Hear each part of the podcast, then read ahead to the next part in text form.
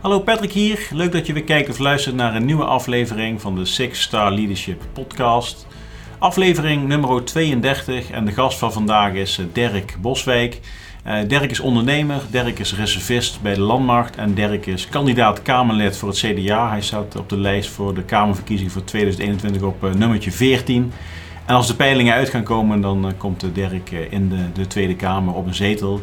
Hartstikke leuk voor hem en voor de mensen die op hem gaan stemmen uiteraard. En het was ook erg mooi om met hem over een hele variatie aan onderwerpen ja, eigenlijk te bespreken. kun je allemaal horen in de podcast. Nou, Dirk heeft ook een boek geschreven over Theodore Roosevelt, de progressieve populist.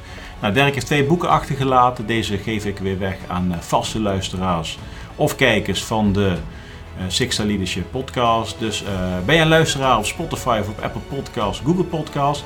Nou, abonneer dan op dit kanaal en geef een reactie op deze podcast. Dan maak je kans op dit boek. Ben jij een YouTube-kijker? Uh, ook superleuk natuurlijk. Nou, klik dan eventjes op die subscribe-button. Uh, tik even op dat duimpje en dan geef even een reactie op deze video. En ook dan maak jij kans op het winnen of het krijgen van een van de boeken van, van Dirk Boswijk. Nou, Dirk die begint zoals een politicus betaamt meteen te praten in de podcast. Dus de camera staat nog niet aan van Dirk. Het geluid is wel goed. En... Ehm, en dus na een minuutje of twee zeg ik van Dirk, ik ga nog even de introductie doen en dan praten we lekker verder. Dus het is een mooi gesprek geworden, iets meer dan een uur. En ik, uh, ik, wens je heel veel plezier bij het kijken of luisteren het gesprek met uh, Dirk Boswijk. Nee, dat was echt wel mijn, uh, mijn jongste droom, militair worden. Echt al vanaf dat ik, nou, eigenlijk niet, kan, niet anders kan herinneren. En ik kwam van het VMBO af. Dan ben je, even kijken, 16 ongeveer. En dus ben je nog te jong om meteen door te stromen. En alles een schakeljaar. Uh, bij Defensie. Dat heet nu tegenwoordig VEVA, maar dat heette toen anders. Mm met het idee dat je dan, als je de leeftijd hebt bereikt, je meteen bij Defensie binnen kan stromen. En het was ook een opleiding met een baangarantie. Uh, dus ik had me daarvoor ingeschreven. En uh, nou, de hele selectie, alles doorlopen. Ja. Je papieren thuis gekregen. En ook van nou, welkom in augustus, uh, of, ja, september, augustus gaan we beginnen. Ik weet nog heel goed dat ik in, ehm, in de vakantie van, van 2005 was dat, terugkwam. En dat er een brief lag van, nou ja, je gaat met een paar weken beginnen. Alleen we willen je wel mededelen, er is een sollicitatiestop bij Defensie. En de baangarantie is er niet meer, dus je mag beginnen de opleiding. Maar we hebben geen garantie dat je zo meteen mag beginnen. En die geldt alleen nog voor mensen uh, met een migratieachtergrond en mhm. vrouwen. Nou, daar val ik dus niet in. Ja. Dus ik was echt heel boos. Daar was je al vroeg achter.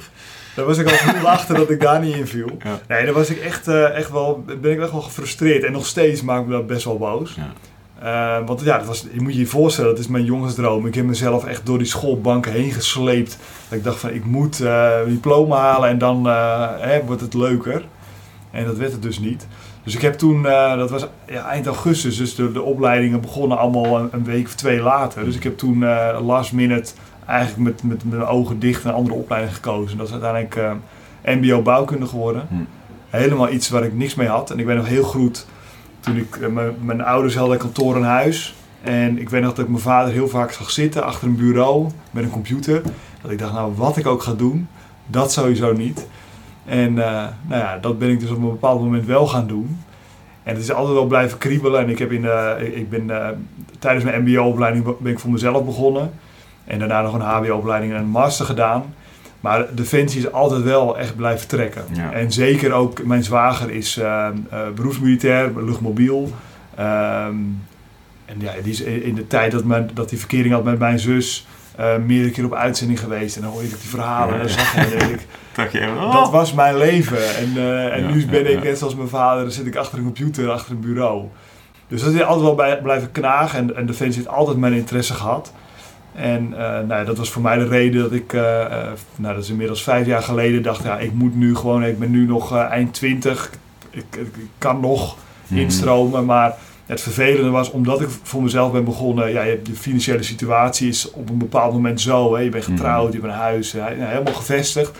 Dat de stap om helemaal beroepsmilitair te worden, ja, dat is gewoon, dan zou ik niet meer kunnen wonen waar ik nu woon. En, uh, dan zou bijvoorbeeld mijn vrouw... heb je geen huis meer nodig als je echt beroepsmilitair wordt. Dat is waar, maar ik, ik, ik heb, had inmiddels ook twee dochters en, uh, en een vrouw, dus dan wordt het wel ingewikkelder. Mm. Uh, was ik vrijgezel geweest, dan had ik het roer echt wel omgegooid. Maar dat, uiteindelijk kom je in, op een moment in je leven dat dat gewoon niet meer kan. Ehm, dus de, de, manier die, ehm, de optie die er toen nog lag, was um, reserveofficier worden. en nou ja, je ziet wel dat die rol van reservisten en reserveofficier echt veel groter gaat worden. Enerzijds noodgedwongen, hè, want er zijn 9000 vacatures bij Defensie, is het gewoon niet meer op te vullen. Dus enerzijds moeten ze wel uh, meer zoeken naar andere manieren. En aan de andere kant zie je natuurlijk dat de wereld echt aan het veranderen is. Dat alles veel integraler wordt. Uh, bijvoorbeeld met uh, hackers bijvoorbeeld. ja, dit wordt een veel belangrijkere rol binnen de krijgsmacht dan dat vroeger is geweest. Of vroeger helemaal geen rol hadden. En dat zijn toch vaak mensen die al in de civiele wereld al, op een bepaald niveau zitten, dat ze op een internationaal speelveld mee kunnen doen. Ja, en die probeert Defensie nou als reservisten erbij te betrekken, dat ze uh, toch die kennis in huis gaan halen. Um, dus ik heb uiteindelijk voor die route gekozen. En het is, ja, het is nog steeds niet helemaal mijn jongensdroom, maar het is, ik maak het op die manier een klein beetje goed. Nou ja, en, goed. Uh, ja, ik, ik, ik, ik, moet zeggen ook de, de, de, de, opleidingen en alle oefeningen die ik kan doen, die doe ik. En dat vind ik ook, ja, dat is altijd echt, echt mooi om te doen. Uh, ik ben uh, begin vorig jaar ook nog ingezet toen nou, corona net uitbrak. En uh, was ook wel een soort ja, spannende tijd van wat gaat het brengen en hè, we kunnen de, de, de ziekenhuizen het aan. dus ik ben daar toen, toen ook nog ingezet. En dat vond ik wel echt heel mooi. Kijk, met, met, met een uitzending is het natuurlijk niet te vergelijken. Mm -hmm. Ehm, maar het geeft wel enigszins de druk die er toen lag en het appel wat toen werd gedaan. En het waren heel veel mensen die natuurlijk gewoon een normale baan hebben. En die werden wel opgeroepen van ja, binnen 24 uur moet, hebben we gewoon mensen nodig, dus kom ons helpen. En dat, ja, dat vond ik wel heel mooi om te doen. En um, ja, dat blijft natuurlijk continu knagen. Ik dacht van ja, ik, ik heb mijn roeping gemist. Maar goed, het is niet anders. Maar goed. Dus uh, ja. ja. Welkom Dirk. Ja, dankjewel. Laten we daar in ieder geval eens mee, mee starten. Um, uh, nou, we zitten in Halen. We hebben net Radio 1 nog hier in de studio gehad. Ja. Dus dan denken de luisteraars, wie heeft hij dan in godsnaam als gast gehad? Ja. Dirk Boswijk. Ja, klopt. Uh, reserveofficier, reservist, ja. heb je net al wat over verteld. Ja. Uh, lid van CDA, staat op kieslijst, nummer 14. Ja, klopt. Dus over twee weken kan het zomaar zijn dat je gekozen wordt ja. voor een kamerzetel. Ja, die kans is redelijk groot, ja. ja. Je weet het nooit met verkiezingen, um, maar de kans is wel groot, ja. Klopt. Er moeten wel genoeg mensen op jullie stemmen natuurlijk. Ja, ja daarom zit ik hier ook. nee, dus dat is, uh, dat, is, dat is heel erg mooi. En ik, ik, ik weet nog goed, de eerste keer dat ik jou voorbij zag komen op, op social media, want je post leuke dingen, um, was toen jij gezegd half militair had en half burger. Ja. En die post ging volgens mij best wel uh, aan, had ik ja. het idee. Ja. En toen dacht ik van, hé, wat, wat, wat leuk. Zo iemand is ook heel interessant voor de podcast. Want die zit echt vanuit het bedrijfsleven is hij dus zeg maar zichzelf gaan interesseren. Maar die interesse ja. was er dus al. Ja, ja nee, die was er zeker al, altijd al geweest. Ja. Maar uh, ja, het is inderdaad, ik heb wel een, een andere route als inderdaad dat je zegt van ik begin helemaal vanuit... Uh, uh, vanuit school als het ware, dat je alle rangen doorstroomt, ben ik echt ja, een parallel traject gegaan en halverwege ingestroomd. En, en daardoor mis je heel veel kennis, hele praktische kennis, bijvoorbeeld de afkortingen. Nou, dat, ik weet ze nog lang niet allemaal, dus ik ben, ben nog hard aan het oefenen. Ja. Maar aan de andere kant heb je natuurlijk al heel veel kennis vanuit het bedrijfsleven, waar je gewoon ziet uh, dat bij Defensie echt nog wel behoefte is uh, aan, uh, aan, aan, processen, aan hoe je dingen inricht, maar ook mm. hoe je omgaat in situaties waar natuurlijk Defensie de civiele wereld aanraakt. En dat zie je natuurlijk aan uitzendingsgebieden, hè, dat je ook met burgers om moet gaan. Mm -hmm. En dat zijn ja, eigenschappen die bij Defensie soms, soms nog wel missen. Um, en nou ja, dat, dat breng ik als, re als, als reservist dan bij, bij de krijgsmacht binnen. Maar het is altijd wel, je moet wel altijd een tandje harder lopen als de beroepsmilitair. Um, omdat je, ja, je hebt gewoon een kennisachterstand. Ja, ja, en je moet je ook ja. wat meer be bewijzen. En dat snap ik ook en dat is ook heel goed. Uh, want ja, je komt ineens wel met, uh, met een bepaalde rang binnen. En dan kan ik me heel goed voorstellen. Ik heb dat met mijn, met mijn zwager die dan beroepsmilitair is, is nou, vijf of zes keer op uitzending geweest. En dan kom ik als broekie binnen op dezelfde rang. En dan denk ik, ja, hij loopt daar al twintig jaar rond. Mm -hmm. En dat voelt altijd een beetje ongemakkelijk. Maar tegelijkertijd, ja, ik ben, breng weer andere kennis binnen. En ja. je kan elkaar versterken. Hoe zit dat dan in de lijn van hiërarchie? Ben je functioneel meerdere of zit er een verschil tussen? Want jij bent luitenant volgens mij? Ja, klopt, ja. Eerste ja. luitenant, tweede, tweede luitenant. luitenant. Ben je dan, ben je dan met, met een tweede luitenant, is dat gelijkwaardig? In de, in de, in de Eh? Ja, nee, het is, het is inderdaad wel gelijkwaardig. Er is Ja. geen onderscheid. Eh, kijk, in, in sommige landen heb je inderdaad dat je... Dat ze bijvoorbeeld een R'tje eh, bij dat rangteken hebben. Dat je, dat je het onderscheid kan zien. Van oké, dat is inderdaad een reservist. Mhm. En die, staat, die zal bijvoorbeeld geen pelotonscommandant worden bijvoorbeeld. Maar qua hiërarchie is het wel gewoon gelijk. Dat, dat wel, ja. Ja, ja. Maar goed, weet je, je moet... eh, je maakt wel pas op de plaats dat je na- natuurlijk wel naar de situatie kijkt. En denk je, Mhm. nou ja, dit is toch wel iemand die eh, beroeps, die heeft toch wat meer eh, inhoudelijke kennis. Mhm. Tegelijkertijd, als er natuurlijk een situatie voorkomt waarvan Specifieke jij denkt, extra op de specifieke kennis, ja, dan, dan moet je ja, soms letterlijk op je strepen gaan staan. Dat je zegt, ja jongens, ik ben hiervoor ingehuurd. Eh, dit is mijn specialiteit en, en ik vind dat we dit moeten gaan doen. En dan is het uiteindelijk aan een, aan een, een commandant om te zeggen, oké, ik neem dit advies eh, over of, eh, of niet. Ja. Ehm, maar ja, je moet, in ieder geval als ik naar mijn eigen situatie kijk, eh, kijk ik altijd wel een beetje op naar beroepsmilitairen. En misschien is dat niet nodig, maar dat zit er gewoon in. Ja. Ja. Ja. Nou, gaat er nog een keer een uitzending komen? Nou, kijk, weet je, ik heb maar, ik, mijn leven is heel anders gelopen als Ja. klein kind als ik destijds dacht. Ehm, ehm, met, met, met tegenslagen, maar vooral veel, veel, veel zegeningen, om het zo Mhm. maar even te zeggen. Ehm, dus ik sta nu op de Kamerlijst. En ja, weet je, ik, ben, ik vind mezelf echt nog een soort lulletje rozenwater. Hè. Vijftien jaar geleden was ik nog hamburgers aan het bakken bij de McDonald's. En nu sta ik ineens op een lijst tussen mensen zoals ik een Wopke Hoekstra en een, en een Pieter Omzicht. En dan is het soms wel eens gek dat je denkt van hoe heeft het ooit kunnen gebeuren. Dus dat heeft me ook wel geleerd dat ik nooit voorspellingen kan doen. Maar ehm, politiek is niet, eh, niet voor eeuwig. Eh, dat, dat kan de zomer over zijn en misschien is het over twee jaar alweer afgelopen het avontuur. Ja, dan wil ik, dan als die mogelijkheid er is, zou ik dat wel heel graag willen. Ik, ik bedoel, ik zie in jouw kast het een en ander liggen. Ja, dan Mhm. ben ik echt wel heel jaloers. Ja, dat, eh, dat eh, ben ik wel eerlijk in. Ik denk dat het wel je een bepaalde ervaring geeft. En, ehm, maar goed, daar kan jij veel meer over zeggen. Wat je, waardoor je wel beter kan relativeren naar de situatie zoals wij in Nederland. Wij zijn natuurlijk echt wel een beetje een zeikerig volkje. Mhm. Ehm, en eh, we vergeten soms hoe goed we het hier voor elkaar hebben. En ik denk dat je, als je op uitzending gaat, dat je en de situatie in de wereld veel beter kan snappen. Ehm, maar ook dat je veel ehm, meer weet hoe het is om aangewezen te zijn op de mensen om je heen. En ja, wij zijn toch wel een individualistische samenleving. Hè? Het, het, het ik, ik, ik. En ehm, we kijken telkens minder naar, ons, naar, ons, naar onze mensen om ons heen om. En ik denk dat je dat eh, nou, binnen de krijgsmacht, maar zeker als je op uitzending bent geweest en zeker als je in gevaarlijke situaties bent geweest, dat je des te meer beseft dat het niet allemaal eh, om jezelf draait. Ja, dat je het ook echt de mensen om je heen belangrijk zijn. Exact. Het ja. woord gezin niet, niet noemen natuurlijk. Hè? Ja, nou ja, kijk, het, het, het, is een minimaalschappij Het is een- natuurlijk. ja, precies, exact. En dat is. ehm, ehm, en kijk, ik, voor ons is dat vanzelfsprekend omdat wij allebei met de krijgsmacht te maken hebben. Mhm. Ehm, maar als ik bijvoorbeeld in debatten wel eens pleit, ik zeg van ja, weet je, die dienstplicht van vroeger was eigenlijk helemaal niet zo verkeerd. Ja, dan kijken mensen mij heel glazig aan. Maar kijk, vroeger hadden we, ehm ja, dat komt een beetje mijn CDA-achtergrond, maar vroeger hadden we natuurlijk, ging een groot deel van Nederland ging naar de kerk. Mhm.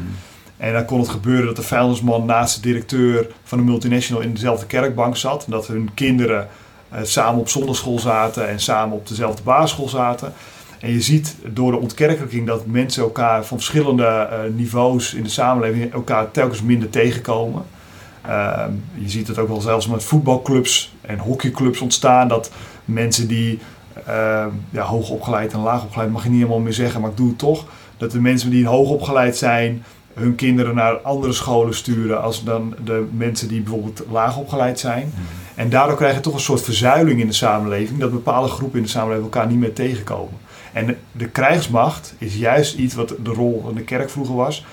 Daar word je gewoon gedwongen, maakt niet uit wie je bent en wat je afkomst is. Dan word je gewoon gedwongen om met elkaar Mhm. eh, het beste ervan te maken. En ik denk dat daar echt wel eens behoefte aan is. Ik weet nog heel goed toen ik mijn eh, eh, militaire opleiding had. Ja, dan kom je met, met, met 60, 100 man word je bij elkaar gezet.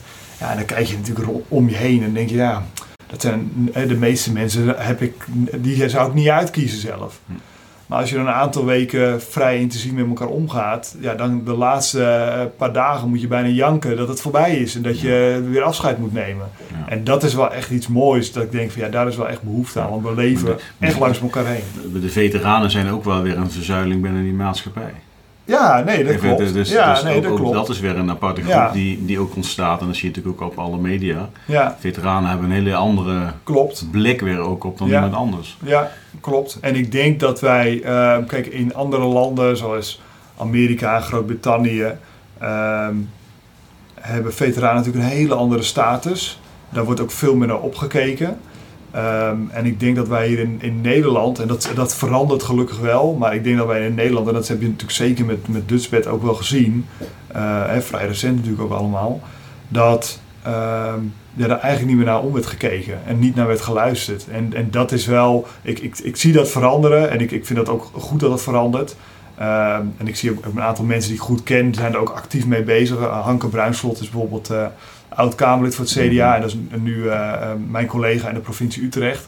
Ja, die is als veteraan ook echt actief daarmee bezig om die status van veteranen en ook die meerwaarde en die ervaring van veteranen ook actief op, op bijvoorbeeld scholen hmm. eh, te brengen. Omdat je ja, gewoon ziet dat er zoveel kennis en ervaring die die groep heeft, ja, te, eigenlijk te, te weinig benut wordt. Ja. Dus dat, is het leuk om politicus te zijn? Uh, ja, ik heb daar zelfs natuurlijk ook, ben, ik ben gewoon Nederlander wat dat betreft. Ja, nou niet altijd. Ik, ik, ik, ik, zit dat dan af en toe, uh, af en toe. Ik, ik merk hoe meer ik me erin verdiep. Ja, hoe minder je denkt Hoe meer ik denk van het is, het is een aan, aaneenschakeling van dingen waarvan ik denk van jongens. Ja.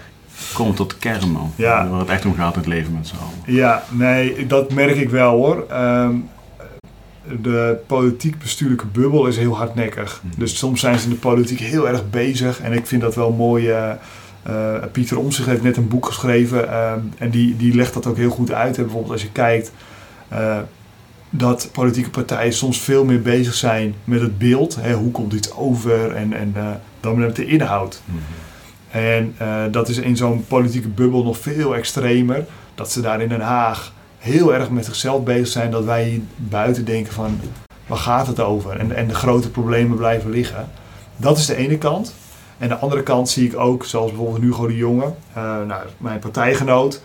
Hij doet ook heel veel dingen niet goed, hè. laat ik me dat ook vooropstellen. Ik zit ook wel, toen aan het begin met vaccineren, dacht ik nou hop jongen, ik, eh, in mijn netwerk ook van uh, hè, de reservisten met een medische achtergrond bellen ons op. En ik dacht ook man, geef mij een kipfilet en een, en, een, en een spuit. En ik oefen even vaccineren. En ik ga gewoon een paar hmm. weken vol, volle bak helpen. We gaan MBO's opleiden, hoor ik vandaag. Klopt, ja, heel goed. Heel goed. Ja, dat vind ik echt een goede ontwikkeling. Maar ik heb maar daar wel op zit, over zitten opvreten dat dat uh, in eerste instantie dus niet op gang kwam. Uh, nu lopen ze, gelukkig hebben we die, die achterstand heel erg ingehaald en lopen nu met de top. Maar ik heb daar ook wel mijn frustratie over gehad. Maar tegelijkertijd zou ik ook niet in zijn schoenen willen staan. Want als je ziet hoeveel, en dat is echt, echt extreem, hoeveel ellende en hoeveel bagger hij over zich heen krijgt. En uiteindelijk is het ook maar gewoon een mens. En doet hij ook maar het beste. En heeft hij ook te maken met allemaal uh, machtsstructuren en, en eilandjes. En, en, en daar moet hij ook maar het beste van zien te maken. Kijk, hij is dan wel minister, maar zijn macht is ook maar beperkt. En ja, en dan zie je wel eens die bagger over hem heen komen. En ik zie dat ook wel eens uh, in het klein heb ik daar ook wel eens wat last van. En er zijn ook wel eens momenten dat ik denk, ja, dan ben je zo hard bezig. En dan is dit het maximale wat je eruit haalt. En dan zijn er mensen die van buitenaf uh, uh, alleen een krantenkop lezen, bij wijze van spreken. En dan gelijk een hele mening over je hebt. Ja, dat zijn ook wel eens momenten, met name mijn vrouw, die ziet dat natuurlijk ook wel eens langskomen. Ja, die, die, die baalt daar wel eens van. Die denkt ook van, ja, waarom doe je dat überhaupt? Waar heb je zin in? Ehm, maar tegelijkertijd, als dat onze inzet en insteek was geweest als, als politicus en als, als dat onze insteek zou zijn als militair, mm ja, dan was niemand militair geworden en er was ook niemand de politiek ingegaan. Um, dus soms moet je die bedwetens ook een beetje negeren en moet je je eigen plan trekken. En dat is niet altijd makkelijk en dat is vaak ook niet leuk. Ehm, maar uiteindelijk zit je hier ja, voor het grotere doel en dat is toch onze samenleving net even een beetje beter doorgeven aan de volgende generatie. Mhm. Het, is wel, het is wel een hele ehm, lastige tijd, denk ik, om mensen te bereiken nu. Ja, Kijk, kijk want nogmaals, ik, ik, ik, ik, ben het helemaal met je eens. Ik zeg van nou, het is een bullig werk wat mm. de mensen in Den Haag verzetten. Dus daar gaat het denk ik ook helemaal niet om. Uh, ja, ik, ik, ik heb het gevoel dat er een, er is een verandering gaande. Ja. Een verandering gaande waarin, waarin ook het politieke systeem op dit moment tegen een soort van max aanloopt. Want je, je noemt het woord macht. Ik, ik, heb het over invloed. Ja. Ja, dus de, beter. De, ja. de, invloed, ja, maar het is natuurlijk dit is een machtssysteem. Dus ja. Het hoeft geen vies woord te zijn. Ik, de, de invloed van uh, een minister en de reactie van een volk, zeg maar, ja. dat is aan het veranderen, heb ik het idee. Klopt. En, dan, is, dan, dan, is mijn gevoel een beetje, los van het feit dat iemand onder druk staat en et cetera, gaat het even niet om, dat er op dit moment een soort van dynamiek aan het ontstaan is. Ja. Waar ik van denk van, goh, ik vind zelfs, ik weet niet op wie ik ga stemmen, man. Ja. Omdat niemand precies past bij datgene wat ik zelf vind. Ja. Dan moet ik een concessie doen. Ja. Ik vind het zo lastig om een concessie te doen naar bepaalde dingen waar ik gewoon niet achter sta, weet je wel. Ja. Vind ik zo moeilijk. Nou, weet je, uh, ik ben dan uh, kandidaat Kamerlid voor het CDA en plek 14. Zelfs ik heb ook wel eens dingen... Hey. Ja, ja, ja, precies. Ik, ik, ben niet zo goed te voetballen, maar, uh, maar wel hetzelfde nummer. Nee, maar zelfs ik heb punten binnen mijn eigen partij dat ik denk van ja, mm, daar ben ik ook niet heel enthousiast over. En uh, als het aan mij zou liggen, zou er nog veel meer geld naar Defensie moeten. Maar ja, er zitten ook mensen met een agrarische achtergrond of studenten in mijn partij, die vinden ook wat. Dus uiteindelijk zou je altijd concessies moeten doen. En als je dat niet doet, dan moet je een eigen partij oprichten. Ja. En dan hebben we er 17 miljoen. Dus ja, je moet altijd concessies doen. Maar wat, wat ik denk. Wel heel versnipperd. nou, wat ik denk dat het, dat het, uh, dat het grote probleem is. Ik, ik noemde net al, we hebben de ontkerkelijking gehad, waardoor mensen telkens meer uh, of minder naar, naar elkaar omkijken. En je ziet nu met de komst van social media. Uh, dat je, en, en met name het algoritme, dat bepaalt eigenlijk dat we alleen nog maar mensen zien waar we het mee eens zijn. Dus je komt elkaar al niet meer tegen. En je komt alleen nog maar mensen tegen die, uh, ja, die helemaal, waar je het helemaal mee eens bent. En dat versterkt nog veel meer. Kijk, vroeger kon je dus in die kerkbank zitten met inderdaad die vuilnisman. En dan kon je, dat is een cv-ding. Ja. Oh nee, Nee, de zonnewering. Ja. Nee, maar dan kon je met die, uh, met die vuilnisman in die kerkbank zitten. En dan kon je als directeur van een multinational vragen, ja, hoe denk jij daar nou eens over? Uh, daar, dat gebeurt al niet meer. En nu komen al die vuilnismannen komen elkaar alleen nog maar tegen. En al die directeuren van de multinationals komen elkaar. En die ja, praten elkaar naar de mond. Dus die, je ziet die dynamiek is heel Versterkt. anders. En dat versterkt alleen Ja. maar. En dat is voor de politiek. Het is allemaal heel vluchtig geworden uh, met social media. Uh, dat maakt het voor, voor een politicus heel erg moeilijk om, uh, om met iedereen nog in gesprek te blijven. Maar zou je er in de Kamer ook niet dan juist een voorbeeldfunctie voor kunnen zijn? Door wel op een echte manier met elkaar in gesprek door, door te luisteren, om echt te luisteren in plaats van te reageren. Uh, nou, Dat zou heel mooi zijn dan da- da- natuurlijk. woorden uit mijn mond, dat, dat denk ik zeker. En ik denk, uh, kijk, en dat is nou het waardeloze aan dat hele corona. Dat je, kijk, zet mij maar voor een zaaltje met mensen waar je ze gewoon fysiek tegenkomt en waar je uh, kan horen wat het probleem uh, is of wat de Mhm. uitdagingen zijn waar mensen tegenaan lopen. Um, dat heb ik de afgelopen jaren op, op provinciaal niveau gedaan. En, en dat, nou ja, dat kost echt extreem veel tijd. Maar het levert ook echt heel veel op. Je, je inbreng in de politiek is een stuk inhoudelijker en een stuk beter. Uh, en je krijgt daar ook heel veel waardering voor. Um, en ik had dat ook heel graag nu in deze campagne gedaan. Nou goed, sowieso als het corona voorbij is en de campagne is voorbij, moet het sowieso. Maar ik had nu graag gestart Mm. op een landelijk platform. Uh, om die manier van werken ook, uh, ook landelijk te doen. Ja. Ja, en dat, dat gaat nu dus niet. En tegelijkertijd, wat ik dus een goede ontwikkeling vind, is dus, nou ja, zoals dit, het opnemen van een podcast, dat zie je nu ineens opnemen, uh, toenemen. Mm. Um, en ik vind het daar mooi dat je in tegenstelling tot, tot andere social media, dat het allemaal heel vluchtig, het moet in 140 tekens, moet je... Of in een quizje. Uh, ja, of in een quizje zoals net met, uh, met de radio. Dan moet je heel snel en nou, dan hoop je maar dat de mensen denken van, nou, die, die Dirk is nog best wel een sympathieke gast. Ik ga eens even naar zijn website en eens even kijken wat hij verder nog vindt. Um, maar vaak gebeurt dat niet. Dus mensen vormen een mening op die 140 tekens. Ja, en dat is gewoon beperkt. Ja. En, en, en daarom denk ik dat, dat een podcast heel erg goed is, omdat je dan net iets, iets meer de diepte in kan. Um, maar er gaat niks boven fysiek contact. En dat vraagt heel veel. Maar uh, ook, ook onderling binnen de verschillende politieke partijen. Want ik zag dan ja. eergisteren of zo, dan heeft Wiebren Haga weer een filmpje gepost. Mm. En die pakt natuurlijk een stukje uit. Mm. Dan zie je hoe de jongeren daarop reageren. Dan denk ik van ja jongens, ja, nee, maar dat is ga eens, kijk, ga eens verbinden met elkaar. Je hoeft niet met elkaar eens te zijn, weet je wel. Maar wat, wat mij opvalt de laatste jaren en zeker door corona, ik denk dat mensen meer hebben we het over zeg maar, het leger. Dus we zijn met elkaar. Ja. En iedereen is nou zijn eigen elkaar aan het vormen. Ja. En, en, en, is een beetje klaar met dan alles wat er omheen gebeurt. En iedereen heeft dan zijn eigen zuil, zullen we maar even zeggen. Of dat goed of fout is. Ja. Uh, ik van ja, we zijn, iemand zegt iets en de ander is al bezig om te reageren vanuit zijn eigen standpunt. Ja. Als, het, als je daar nou is, en dat is politiek, en dat snap ik wel, en je moet ook je moment pakken wat weer op die radio komt. Ja. Dat is dat spel. Ja. Maar dat denk ik van, fuck, weet je wel. Ja. Of dat woord mag zeggen. Ja, ja. ja, ja natuurlijk mag dat woord Vind ik jammer, weet je wel. Want dan, dan denk ik dat je, juist in deze tijd, als we het, als we het hebben over met elkaar, ja. dan begint het wel in de Kamer, denk ik dan, weet je wel. Ja, nou ja, ze hebben natuurlijk, politici hebben echt een voorbeeldfunctie. En ik denk dat dat uh, ja, toch wel vaak wordt vergeten. Dat dat meer wordt gefocust op. Ik kan, moet ik die quote, ik moet die quote zorgen dat die in dat filmpje komt, dat ik dat eruit kan knippen en dat ik dat uh, zonder context de wereld in kan schieten. En nou goed, weet je, ik zit hier uh, als CDA, dus mijn mening is ook gekleurd. Laten we dat voorop stellen. Maar ik zie wel een aantal partijen die dat ja, heel erg misbruiken. En dat, dat is ja, echt heel schadelijk. En we hebben gezien wat, er, wat het in, in. Nou, wil ik niet zeggen dat het meteen hier in Nederland gebeurt. Maar we hebben natuurlijk wel gezien wat er, wat er in Amerika heeft gedaan. Hè? De, de, de grootste democratie van de wereld. En er wordt gewoon de, de, de Amerikaanse Tweede Kamer wordt daar bestormd.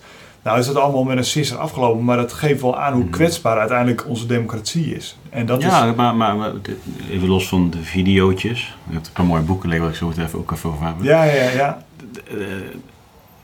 Eh, ik denk ook dat er geluisterd moet worden naar degene die er niet mee eens zijn. Ja. En ik merk dat daar heel snel een soort van druk op wordt gezet van hou je. En dan is de reactie misschien dat filmpje. Weet je wel, dat is dan misschien ook ja, uitlokken, hoe je het ook noemen. Ja.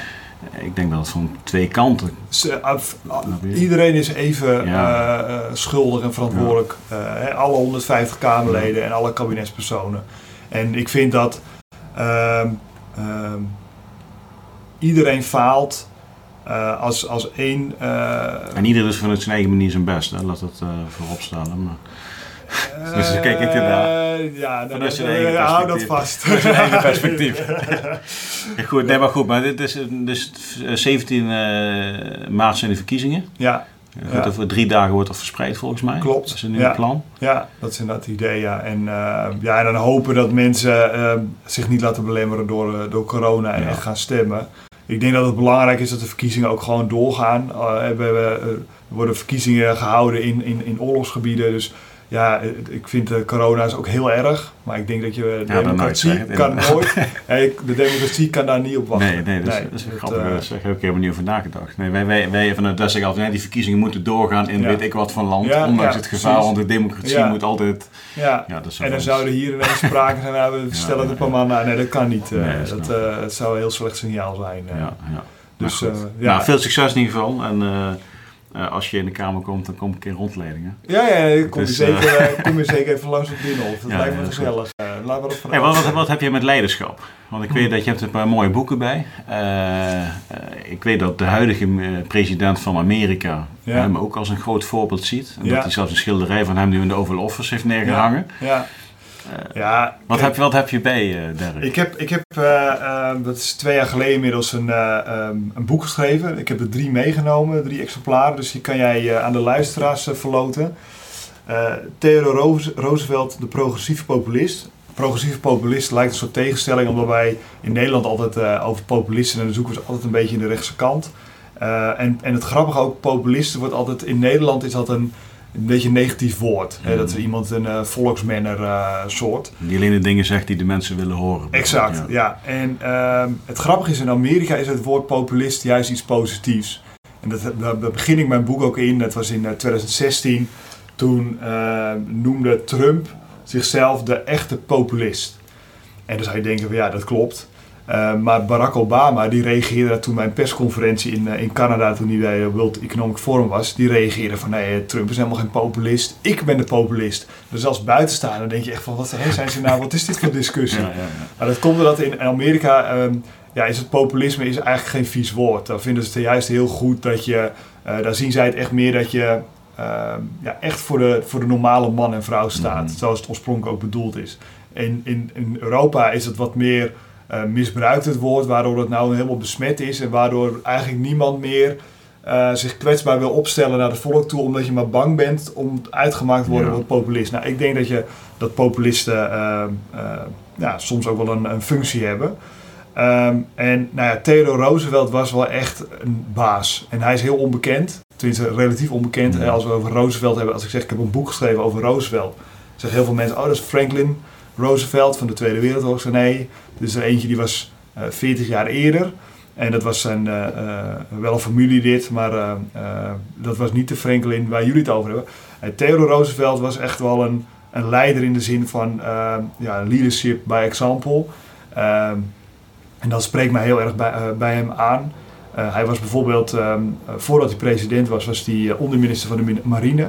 en dan hebben we het over 1898. En uh, Amerika was toen nog uh, geen wereldmacht zoals Groot-Brittannië uh, op dat moment was. En hij zag wel echt een grote rol voor Amerika in de wereld. Alleen het probleem van Amerika was dat ze na de Amerikaanse burgeroorlog het hele leger eigenlijk hadden afgebouwd. En ze hadden eigenlijk nauwelijks nog een leger en al helemaal geen marine meer. En Theodore Roosevelt zag eigenlijk wel, de, ja, echt een visionair, die zag wel een grote rol voor de marine. Uh, want de marine kan natuurlijk overal ter wereld opereren. Dus hij heeft toen als onderminister van de marine heeft hij, uh, uh, ja, de vloot, de Amerikaanse vloot, heel erg opgebouwd. Ehm, en hij had een heel erg mening over geopolitiek. Eh, onder andere dat hij vond dat de Europese grootmachten van destijds geen invloed meer mochten hebben op, het, op Amerika, Zuid- en, en, en Noord-Amerika. En Spanje had nog een aantal kolonies, onder andere Cuba. Ehm, en hij vond heel erg dat ja, eigenlijk Cuba een vrij en zelfstandig land moest worden. Um, dus hij heeft altijd gepleit voor de bevrijding van Cuba. En er waren toen opstanden in Cuba en die werden heel erg neergeslagen door de Spanjaarden. Er waren zelfs concentratiekampen gebouwd mm. door de Spanjaarden. Uh, waar echt honderdduizenden mensen zijn uh, verhongerd.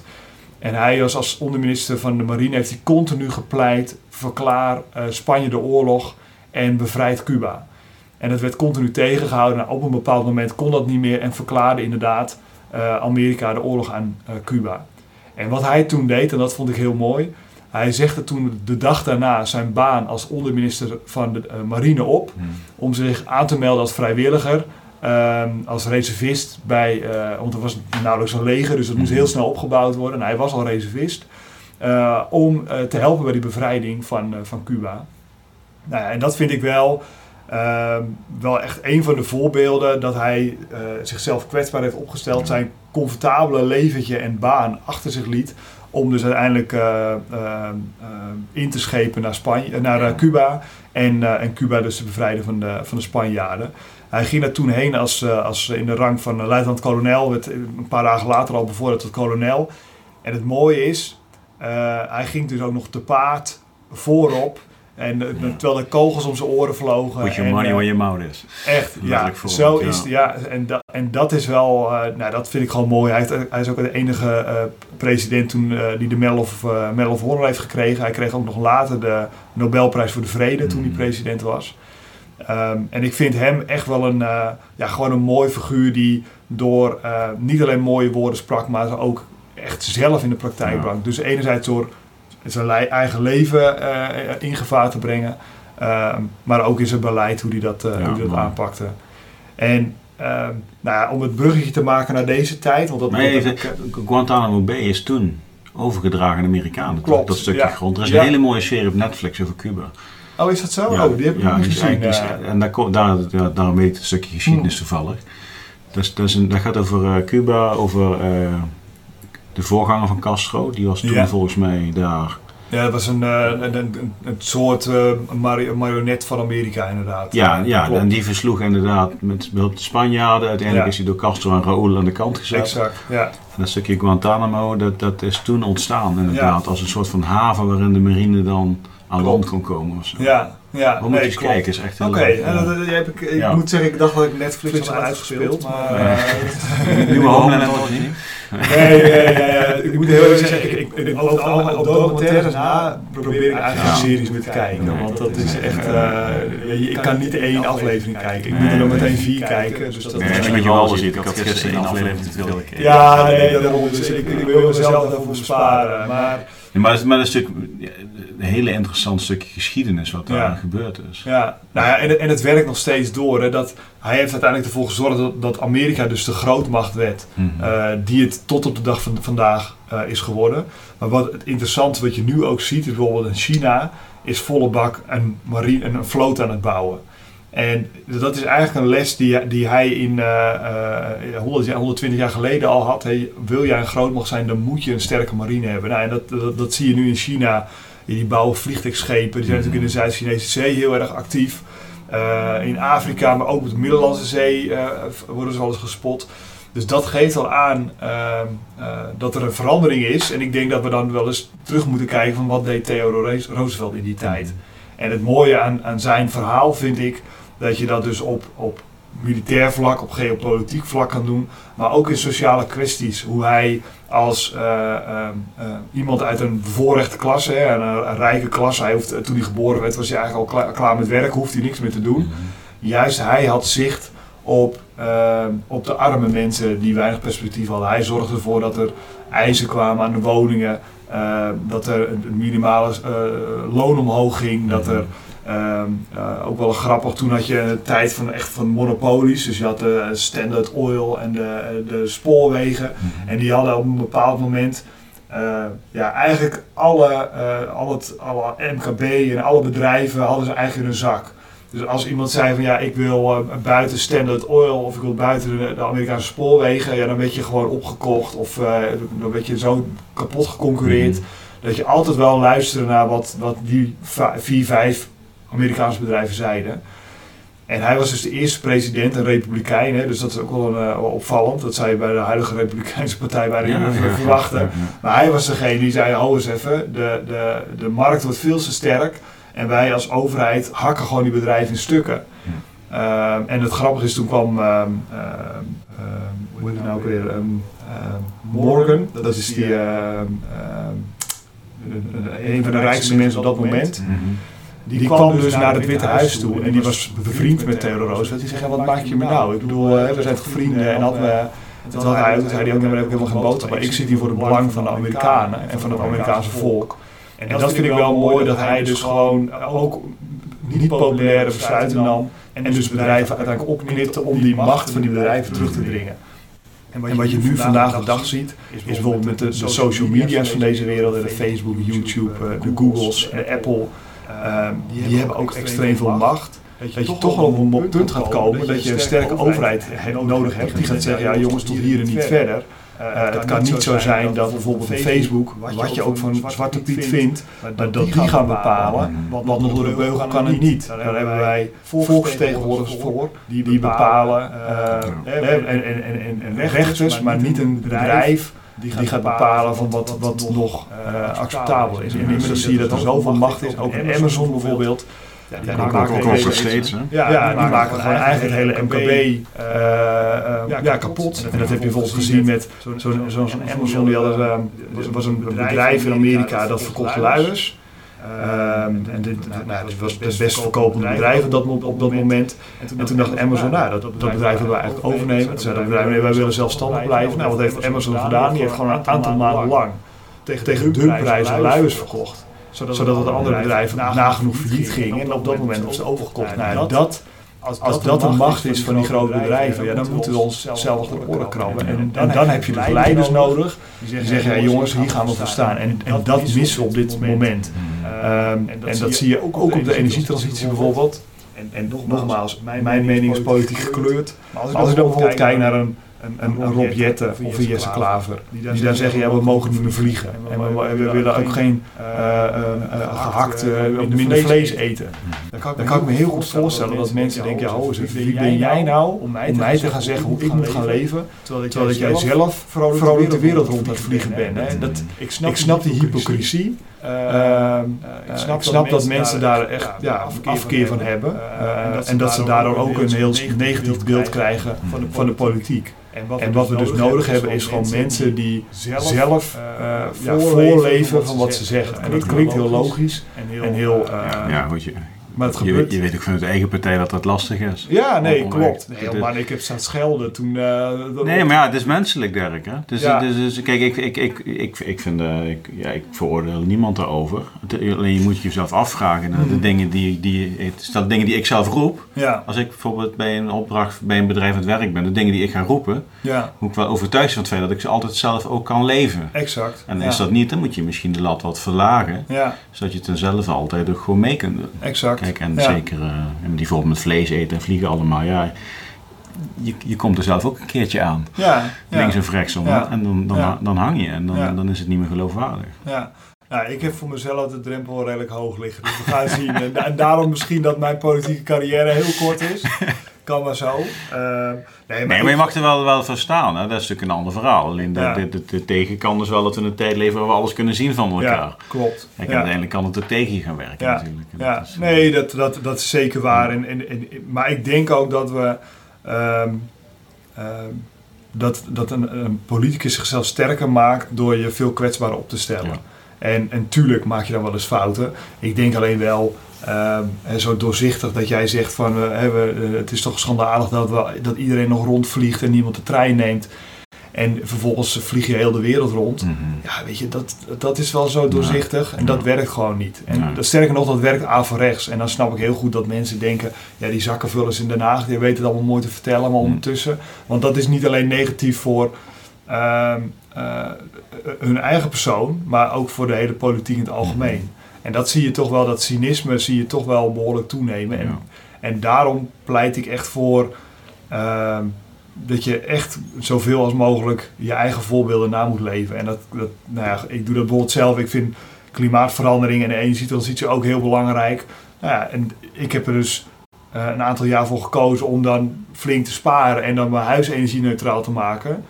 Um, om te laten zien, jongens, ik vind het echt belangrijk. Um, en en ik, ik, ik, had ook met dat geld ook de wereld rond kunnen vliegen. Had ik ook heel leuk gevonden. Mm. Ik heb ook wel eens dat ik denk van ja, hmm, ik had misschien wat meer moeten reizen voordat ik kinderen had. Ja, maar je kunt op je zonnecollector uh, batterij kijken Precies. je bespaart en, ja, ja, en dat is best wel een heerlijk gevoel, uh, kan ik je zeggen. Zeker nu met die zonnige dagen. Maar, maar doe je het om, om, om uh, zeg maar als voorbeeld of doe je het ook omdat je oprecht gelooft dat het goed is voor de aarde? Alle, allebei. Ja. Maar ik, ik, ik, nee, allebei wel. Ik kan wel zeggen ik doe het omdat, het, omdat ik het oprecht...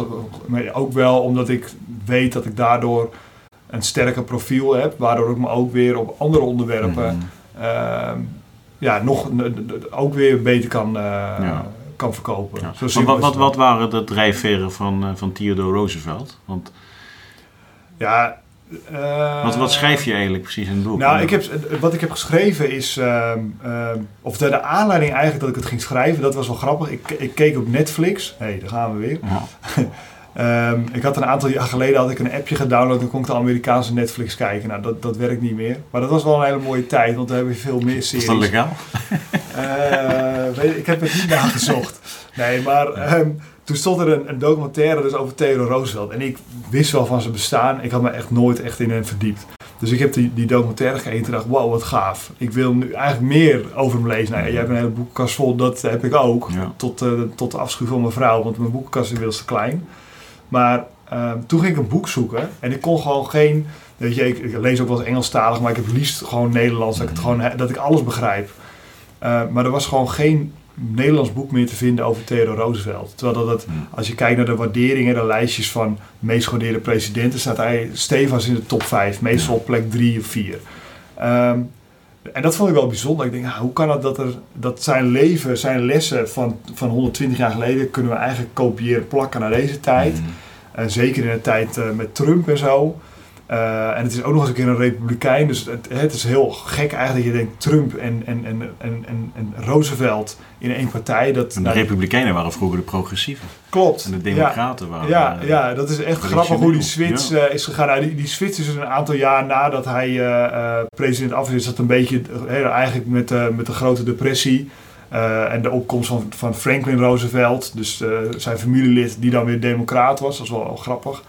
Uh, toen is eigenlijk die switch gegaan en dat is eigenlijk definitief gebeurd naar Lyndon Johnson, de, eigenlijk de laatste democraat die, die in zijn uit een, of begonnen bij Lyndon Johnson, die een, een democraat was uit Texas. En die eigenlijk vanaf dat moment is de Democratische Partij echt progressief geworden en de Republikeinse Partij conservatief.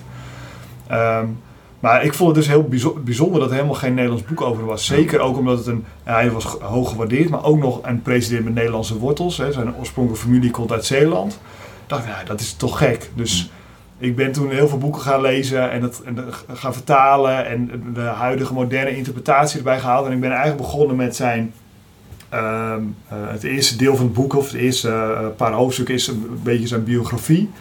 Um, ik, heb een, ik, heb hem, ik had hem nog drie keer dikker kunnen maken, maar dat heb ik eigenlijk expres niet gedaan. Omdat ik het ook gewoon laagdrempelig wil houden voor mensen die niks met politiek hebben en niks met geschiedenis hebben. En met, ja, toch, die, uh, toch een soort te willen triggeren om dit te gaan lezen.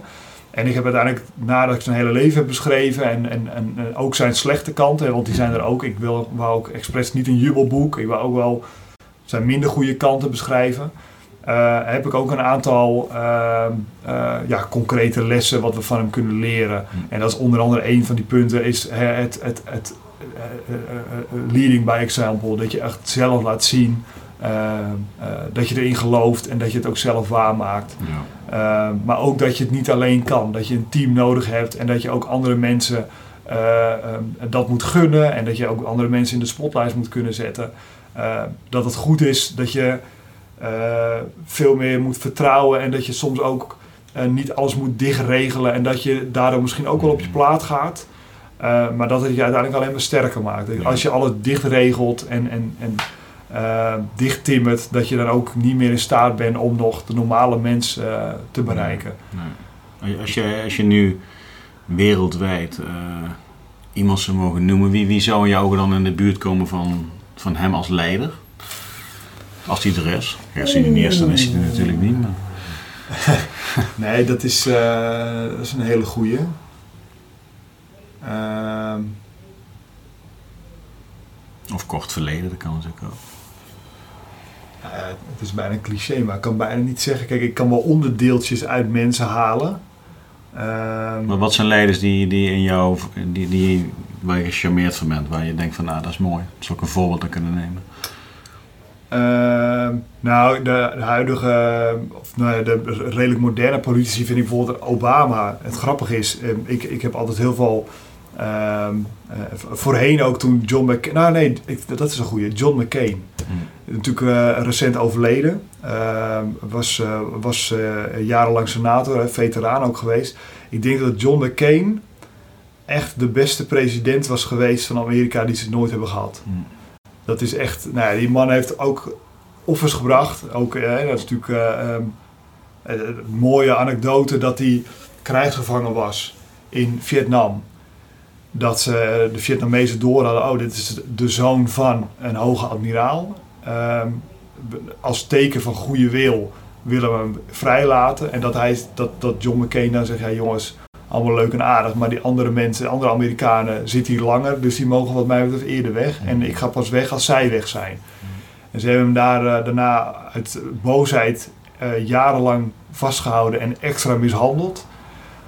Uh, nou altijd ook die kaak, die, hang, die was bij hem toch ook gewond? Ja, hij was inderdaad, klopt. Hij was ook verminkt inderdaad geraakt. En dat vind ik ehm, echt alweer zo'n concreet voorbeeld dat je met Theodore Roosevelt ook zag. Uh, dat hij hè, zelf zichzelf kwetsbaar heeft opgesteld. Mhm. Maar ook later, de, de, de, toen Trump heel erg opkwam, ehm, dat McCain altijd het morele kompas is geweest, eigenlijk van die Republikeinse partij. Zei, jongens, ik snap de zorgen bij de lagere en de middenklasse.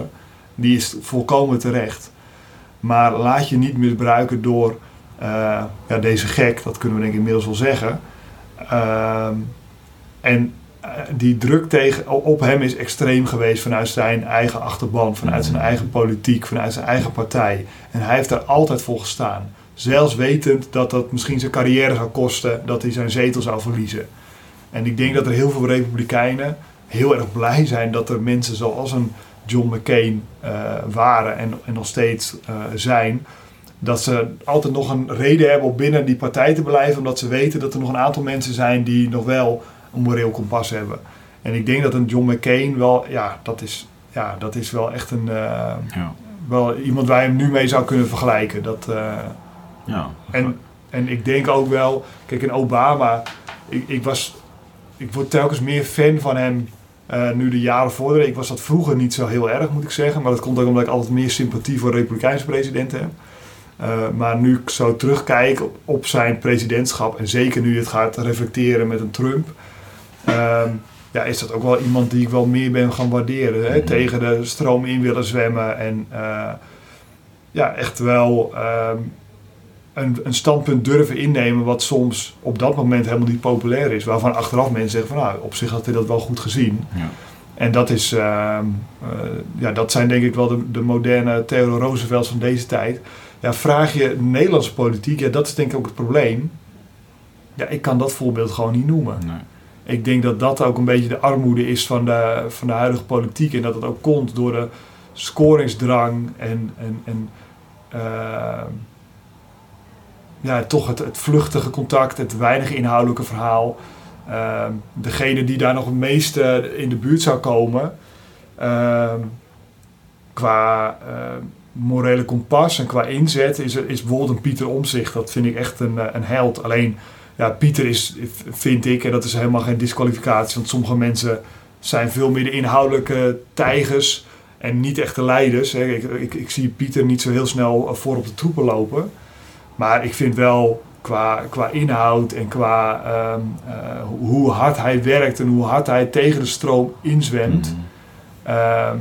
ja, is dat wel iemand waar ik heel veel respect voor heb. Ja. Dus eigenlijk het onvoorwaardelijk geloof voor iets waar je in gelooft. Exact. En daar ook bij blijven, ongeacht wat de omgeving daarvan exact. Dat is inderdaad ja. ja. ja, want we hebben bijvoorbeeld gezien met zo'n toeslagenaffaire. Uh, hij wist jaren geleden al van jongens, dit klopt niet. Hij is daarin blijven graven. Uh, en is continu tegengewerkt, ook door mensen binnen zijn eigen partij, mijn eigen partij. Uh, ook door mensen vanuit het kabinet. Mm -hmm. En hij is daar toch vol blijven uh, graven en vol blijven staan. En nu zien we wat voor ellende er inderdaad is bij 30.000 gezinnen. Mm -hmm. En hoeveel fouten er zijn gemaakt en hoeveel wantrouwen dat veroorzaakt. En ik denk dat hij daar uh, heel goed heeft laten zien uh, ja, hoe een volksvertegenwoordiger eigenlijk zou moeten zijn. Hè. We hadden eigenlijk 150 mensen, en dat is misschien iets te veel gevraagd, maar we hadden eigenlijk 150 Kamerleden moeten hebben die iets meer hetgene van Pieter Omtzigt. En er zijn nog wel andere goede Kamerleden hoor, ja. maar Pieter Omtzigt is wel echt wel een, uh, ja. wel, wel echt een voorbeeld, zeker. ja. ja. Hey, als je even kijkt, geopolitiek, je noemt net China, et cetera. Nou, even toch de brug terug naar defensie. Ja, ja. Uh, dat is ook een, belangrijk uh, ding waar jij denk ik heel erg druk mee gaat bezighouden ja. als je straks in de Kamer zit. Ja. Uh, nou, ik luister de Amerika-podcast ja. met Bernard Hammelburg en ja. Jan... Posma. Jan Posma. Ja. Heel mooi om naar te luisteren. Ja. Uh, nou, ik, uh, in de wijk luister ik ja. veel. Ja. Uh, daar komt trouwens die president ook in voor. Ja. Wordt hij benoemd en McCain ook. Dus het is wel grappig dat je juist die op de tafel legt hier. Ja. Er, ga- gaat een hoop veranderen de komende tien jaar. Ja. Even los van wat er hier op het Malieveld allemaal gebeurt, maar even Ja. wat meer buiten de grenzen kijken. Europa, de wereld, China, Rusland, Amerika. Ja. Eh, hoe staan wij er als Nederland voor en waar, waar wil jij je sterk van maken dan vanuit Defensie? Ja, nou ik denk dat we wel kunnen stellen dat we, we hele goede mensen hebben, maar dat de krijgsmacht er wel heel erg slecht voor staat. Ehm, en dat mag geen verrassing zijn. Ik heb dat zelf bijvoorbeeld afgelopen december, ja, was afgelopen december, lag ik zelf nog op de schietbaan bijvoorbeeld. Hm. Ehm, Waar was je? in uh, Schaarsbergen. In Schaarsberg. Ja, en eh, met de Colt C7. Nou, dat, dat hoeft de luisteraars niet uit te leggen, maar die heeft natuurlijk drie standen. Hè, save, repeat en auto. En eh, ik had hem op repeat staan en het wapen was dus zo versleten dat hij dus gewoon auto schoot. Hm. Dus in één keer, nou wat was het, eh, 13 of 14 patronen eruit. En eh, nou ja, goed, nou lig je gewoon en er is niks aan de hand, het is allemaal veilig. Maar zo'n wapen heeft natuurlijk een bepaalde eh, afwijking als je natuurlijk automatisch schiet. En als je dat op een operationeel eh, situatie kan hebben, is het natuurlijk ja, Ja. eigenlijk levensgevaarlijk. Ja. Nou, dat is het basisgereedschap van de krijgsmacht. En als dat al niet op orde is, ja, dat zegt wel iets over eh, wat er nog meer aan de hand is. En dat komt natuurlijk omdat we de afgelopen jaren, hè, sinds eh, de val van de muur, toen dachten we toch van, nou, hè, de, eh, dat is ook zo'n goed boek, eh, The End of History and The Last Man van eh, Fukuyami of zoiets. Nou, heel belangrijk boek. Aanrader om te lezen. Die man zat er helemaal naast, dus interessant om te zien. Maar die, had, die dacht van, nee, na de val van de muur, zullen alle andere landen in de wereld wel begrijpen dat democratie en het liberalisme eigenlijk, ja, dat is het. Uh, dus het wordt één groot paradijs en we hebben eigenlijk zo meteen geen leger meer nodig, want iedereen heeft dezelfde overtuiging. En met die gedachte is het dus begonnen met bezuinigen op defensie. En dat heeft dus 30 jaar lang gedaan. We hebben ook heel veel CDA-kabinetten, dus daar ga ik me ook niet voor verschuilen. Hebben dat ook gedaan. Toen in 2014 was wel inmiddels het besef, ja jongens, dit gaat er niet meer worden. En de, de krijgsmacht loopt echt op zijn achterste benen. Uh, toen is uh, Mark Rutte in, uh, ik weet even niet meer waar het precies wat ik dacht, in Schotland, is een NAVO-top geweest. Daar is toen afgesproken, we gaan eh, binnen 10 jaar naar die 2% NAVO-norm. En het gekke eigenlijk wat er toen is gebeurd, is dat er vervolgens door uh, het kabinet Rutte 2, dus dat was VVD PvdA, nadat ze de handtekening hadden gezet onder dat NAVO-akkoord, we gaan naar die 2% binnen 10 jaar, dat er nog drie jaar is bezuinigd op defensie. Ja, pas het laatste kabinet, het afgelopen kabinet, of het huidige kabinet Rutte, Rutte 3, is er, um, ik geloof, ja, vier keer uh, structureel 1,7 miljard bijgekomen en, en incidenteel ook nog een keer 1,7 miljard. Dus er is wel fors meer geld bijgekomen, maar lang niet genoeg. En ik denk ook dat het heeft laten zien, hè, ondanks dat er nu meer geld bij komt, en zien we nog steeds dat er, hè, er zijn 9000 vacatures bij Defensie. Mm En ik denk dat dat wel heeft, ons heeft geleerd dat uh, het even bezuinigen en dan weer even uitgeven en dan misschien weer een keertje bezuinigen, dat is funest. Ja. Uh, dus ik denk dat het nog veel belangrijker is dan meer geld bij Defensie, dat we zorgen dat het stabiel is. Uh, en, en ook het liefst nog meer geld erbij natuurlijk. Maar ik denk dat dat ja, het belangrijkste is. Om stabiel te krijgen is er een bepaalde basis aan, aan Precies. extra cash nodig. Exact, ja. Maar ik ga, ik ga ook niet bij een bedrijf werken waarvan ik weet over anderhalf jaar gaan ze reorganiseren. Nee, nee, Dan ga ik wel bij ergens anders zijn. Ik, nou ja, en dat is precies wat er aan de hand is. Ik heb het ook zelf gezien. Ik heb, ik, ik heb mezelf in uh, 2015 aangemeld. Uh, om reservist te worden. Het heeft mij gewoon bijna 2,5 jaar geduurd om binnen te komen. En dan waren ze formulieren weer kwijt. En dan waren er weer niet genoeg trainers. Mijn opleiding is drie keer verplaatst. Ja, alles zulke soort dingen. Dus het, het, het duurt heel lang ja. om het weer op een niveau te gaan krijgen dat het, uh, dat het acceptabel is. En ik denk, als je kijkt bijvoorbeeld naar Amerika, nou, dat is nog wel verreweg de grootste krijgsmacht. Maar dan kijk je bijvoorbeeld naar de inhaalrace die China aan het doen is. Ja, dat is wel, ondanks corona, nog echt miljarden, tientallen miljarden extra bij, bij Defensie. Ja, dat geeft wel aan hoe die verhoudingen zijn, uh, aan, het, aan het verschuiven zijn. Um, en dan kijken we altijd naar Rusland en ik wil Rusland zeker niet onderschatten. Maar als wij het in klimaattermen houden, is, is, is Rusland is een soort tornado. Stel Rusland zou zeggen van we vallen Europa binnen. Nou, dan zullen ze heel ver komen. Uh, maar uiteindelijk zullen ze het niet lang volhouden. Want uiteindelijk moet je altijd kijken naar hoe groot is de economische kracht achter zo'n land. Hè. Dat zag je natuurlijk met Nazi-Duitsland. Die hebben natuurlijk heel lang de Tweede Wereldoorlog kunnen rekken. Omdat ze gewoon die economie en die industrie gewoon heel goed op orde hadden. Uh, al kijk je naar Rusland. Ja, het bruto, binnenlands product is net zo groot als de Benelux. Ja, dat, is, dat zet natuurlijk allemaal wel in perspectief. Al kijk je naar China uh, ja, dat is geen tornado, dat is eerder klimaatverandering. Dat gaat heel subtiel ja. en dat gaat heel langzaam. Maar je komt op een bepaald punt dat het niet meer terug kan. Dat je er niet meer omheen kan. En dat punt zitten we nu eigenlijk. Uh, dat, je, dat, dat militair, en, en dat komt ook wel een beetje op wat ik net al zei over die wereld telkens integraler wordt. Dat, dat, dat defensie en economie telkens meer in elkaar verweven is. En dat hebben we bijvoorbeeld gezien met, uh, met de uitbraak van corona. Um, we zagen toen natuurlijk de mondkapjes, hè, dat we hele logische producten, dat we die zelf niet eens meer hadden. Dat moesten vliegtuigen uit China worden gehaald, vol met die spullen. Maar ook bijvoorbeeld beademingsapparatuur van het merk Philips. Die werden 30 jaar geleden allemaal nog lekker in Eindhoven gemaakt. Nu bestaat zo'n beademingsapparatuur uit 621 onderdelen, uh, uit allemaal fabrieken verspreid over vier continenten, waarvan de meeste fabrieken in China staan. Ja. Dus als wij gaan zeggen van ja, eh, China, wij willen jullie, we gaan jullie boycotten om, om, omdat jullie de Oeigoeren zo schandalig behandelen hè, en, de, en de genocide wordt gepleegd. Um, dat klinkt natuurlijk heel mooi als je dat te sprake brengt. Maar als China dan vervolgens zegt, nou helemaal prima Nederland, uh, jullie krijgen deze goederen niet meer. Ja, dan zijn wij uiteindelijk wel degene die aan het kortste eind trekken. Zo simpel is dat. En niet alleen als Nederland, als, als heel Europa. Nee, maar dat zag je ook in Amerika. Die hebben ook een Philips fabriek. Ja. Die zeiden van in landsbelang houden wij die apparaten hier het, nu. Het, het, nou, een goed ja. punt. Het is echt vanuit twee kanten. Ik denk de grootste dreiging zit vanuit, uh, vanuit uh, China. Ik denk dat wij nooit moeten willen en kunnen zonder Amerika.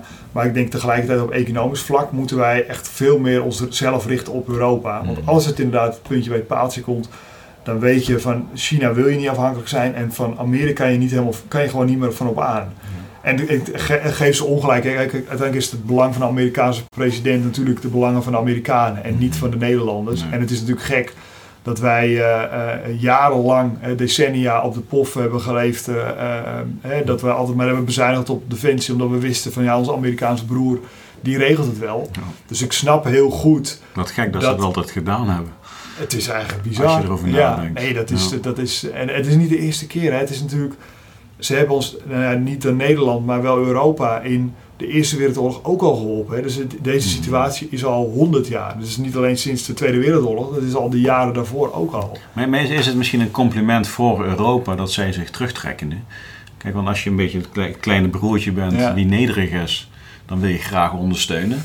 Maar als je langzaamaan wat, wat, wat meer je eigen mening laat horen en je, wil, je, je gaat wat dingen eisen en dan, dan ontstaat op een gegeven moment wel, nou, wacht eens eventjes.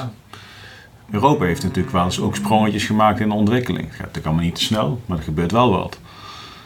Nee, ik denk, ik denk het niet. Ik denk dat het meer beredeneerd is van wij hebben nu lang genoeg betaald. Uh, we hebben jullie continu gewaarschuwd.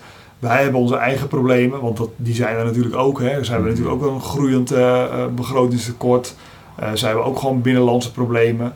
Ehm, en dat zag je natuurlijk bij Trump en daar had hij natuurlijk best wel een punt dat hij op een bepaald moment gezegd heeft: ja, wij zijn niet de politiewereld van de hele wereld. Wij, politieman van de hele wereld, wij hebben ook onze eigen. Hè, dat een, een Detroit, een stad die 50, 60 jaar geleden nog de voorbeeldstad was van, van, mm. van de wereld, is nu een ruïne. En de infrastructuur in Amerika, nou, ben er een paar keer geweest. Ja, weet je, dat is natuurlijk. Uh, het is net zo'n beetje als in België. Als je in Nederland de grens over naar België, ja, je weet meteen dat je op vakantie bent. Nee, maar dat, en dat is het, het, het, rijkste land ter wereld. Daar rij je gewoon, daar heb je in, in, in delen in Afrika hebben ze betere wegen.